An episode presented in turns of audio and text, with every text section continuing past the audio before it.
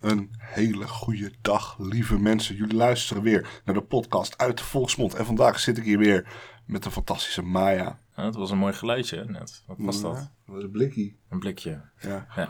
We gaan vandaag een sprookje doen uit eh, Hongarije. Het heet De Gierstkorrel.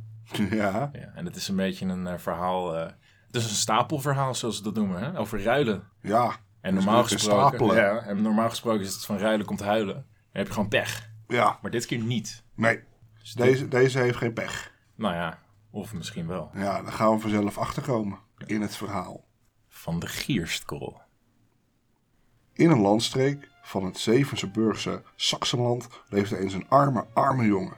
En Zo. t- twee keer arm. Twee keer arm. Niet één, hij is echt dubbel arm, hè? Ja, sick. Ja, gelukkig heeft hij twee armen. Dat weten we nog niet. Zijn vader en moeder die waren gestorven en zijn enige erfenis bestond uit een kleine gierstkorrel. Ja, maar wacht, hoe hebben ze dat dan gefixt? Het is gewoon een, een testament van... Hé, hey, Ja. ik, laat, ik laat jou een gierst, een gierstkorrel achter. Ja, dat stond in het Ja. testament. Onze zoon krijgt onze enige gierstkorrel. Gierstkorrel. Ja. Het gewoon bij de notaris officieel laten maken, weet je wel. Van, Ja. Maar, ja, oké. maar- Maar goed, wat had hij nog te zoeken in zijn geboortedorp toen hij de ogen van zijn moedertje had dichtgedrukt? Zo. Hij wilde de wijde wereld in. Dus hij greep vol goede moed zijn wandelstak, stopte de gierskorrel in zijn zak, want die wilde hij niet achterlaten omdat het zijn enigste bezitting was. En erfenis. Samen met die wandelstok, die had hij ook. Ja. Toen de jongen op een heldere, vriendelijke zomerochtend zo door de dauwfrisse weilanden liep, zag hij plotseling een oude man voor hem staan. Met een grijze mantel, een brede hoed en grijze lokken. De jongen die groette de oude man vriendelijk en deze beantwoordde zijn ochtendgroet net zo vriendelijk en vroeg hem vervolgens. Waar ga jij in alle vroegte naartoe, jongeman? Hallo, ik ben een jongen en ik ben hartstikke vrolijk. Ik ga lekker op reis. Zo, ga je op reis, jongen? Ja, maar ik heb mijn hele bezit dat bestaat uit een gierskorrel meegenomen. Zou die niet van mij gestolen worden? Maak je niet bezorgd, jongen. Die gierskorrel zul je verliezen. Maar daar zul je beter van worden. En zo liep de jongen vrolijk verder, langs weiden en akkers, door bossen en langs rivieren, tot hij tegen de avond bij een boerenhoeve aankwam, waar hij onderdak voor de nacht vroeg. Toen hij ging slapen, legde hij zijn gierskorrel op de vensterbank en zei tegen zijn gastheer: Hé, Eh, gasten! Wel, dit is alles wat ik bezit. Zou dit niet worden gestolen? Dan gastheer! Eh. De gastheer. de gastheer, die antwoordde echter: Jongen, maak je niet ongerust. Oh, Maak je, maak je niet ongerust. Oké. Kijk, zie je dit? ja. Dit is mijn huis. Oh, oké, ja. Ja, in mijn huis zul je niet worden be- benadeeld. Oké, Ja, oké. oké. Dus slaap lekker. Dankjewel, gastheertje. Daarop viel de jongen in slaap en sliep tot de ochtend. Toen de zon in de kamer scheen, zag hij nog net dat de haan van de boerderij op de vensterbank sprong en het gierskorreltje dat glanste in de zon oppikte. Toen begon de jongen te huilen. Ah! Rustig, jongen. Oh, wa- ja, maar ik moet huilen, want het is mijn erfenis. Jongen, Ja, Oké. Rustig, het komt allemaal goed. Komt het allemaal goed? Ja, neem de haan. Die heeft jou onrecht aangedaan. Ja. Oké.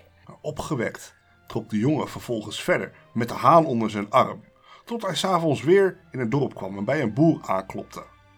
Hey, boertje! Deze haan is mijn hele rijkdom. Kan hij niet worden gestolen? Vroeg hij de boer. Ehm, eh, jongen, jongen, ehm, Ja. maak, je, maak je mij niet ongerust. Oké. Want eh, op mijn boerderij eh, overkomt jou helemaal niets. Oké. Antwoordde de boer. de boer ook echt. Toen de jongen echter s'morgens de slaap uit zijn ogen wreef en naar buiten keek, zag hij plotseling hoe een vet varken zijn haan bij de nek greep en hem doodbeest. Huilend liep de jongen naar de boer toe en jammerde. Oh, wee. Uw varken heeft mijn prachtige haan doodgebeten. Oh jee, oh dat is niet zo mooi. Dat is, eh, ja, Ja. Oh god, Eh, ja, we moeten... Oh, Jezus Christus, wat Ja, moeten we nou? Kijk Oh. eens, de kop ligt er gewoon half af. Oh, oh nee. Oh, oh, dat is verschrikkelijk. Moeten we nou lachen, oh, Omijn? nee, nee. Oh. Ik, vind, ik vind het echt heel erg. Oh, go- alle Jezus. Oh, wat moeten we nou? Oh, weet je, ik weet het jongen, ook niet, hoor. jongen, Ja. ik, ik weet het. Oké. Eh, ja, neem, eh, neem het varken mee Ja, en, we- en wees tevreden. Ook al, eh, ook al heb je je haan verloren, Ja. krijg, je krijg je het varken van mij. oh, maar wat moet ik dan met dat moordlustige beest? Straks neemt hij mij de kop af. Nee, nee, dit, eh, dit varken, eh, ja, dit, de, eh, die, die, die heeft alleen een, hek- he- een hekel aan hanen. Oh, Maar jij bent geen haan natuurlijk. nee. Nou, dan komt het helemaal goed, jongen. Maar mensen zeggen wel dat ik als een haan klink soms. Oh, ja, maar dat is niet erg. Oh, oké. Daarop bond de jongen het varken een touw om zijn nek en trok de hele stralende zomerdag lang verder tot hij s'avonds opnieuw bij een boerenhoeve kwam om onderdak voor de nacht te vragen. Weer bij een boerenhoeve. Weer bij een boerenhoeve, hij heeft wat met die boeren. Ja. Ja, Oh, dit varkentje is alles wat ik bezit. zei hij tegen de boer. Het zal toch niet worden gestolen? Maak je geen zorgen, mijn zoon. Antwoordde de Bijna boer. dezelfde stem als eh, Hey, eh, op mijn boerderij zul je geen schade lijden. Toen de jongen echter de volgende morgen laat wakker werd, want hij had heerlijk geslapen en het huis uitstapte, zag hij zijn varkentje dood liggen. De koe van de boer had het vreemde dier met zijn horens doodgestoken. hoe dat gebeurt eigenlijk. Dat, dat zie je niet. Oh, dat is echt niet oké.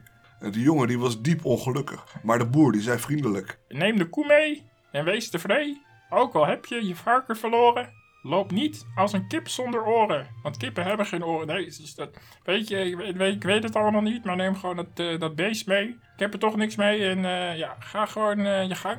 Pak een touw, eh, doe hem om zijn nek. eh, niet te strak, want anders gaat hij dood. Doei doei! Oké. Toen bond de jongen opgewekt de koe een touw om zijn nek en dreef het dier vele uren lang voor zich uit, totdat hij moe en lusteloos bij een deftig landgoed kwam. De rijke herenboer stond toevallig juist buiten de poort. Oh, ik weet waar dit heen gaat nu.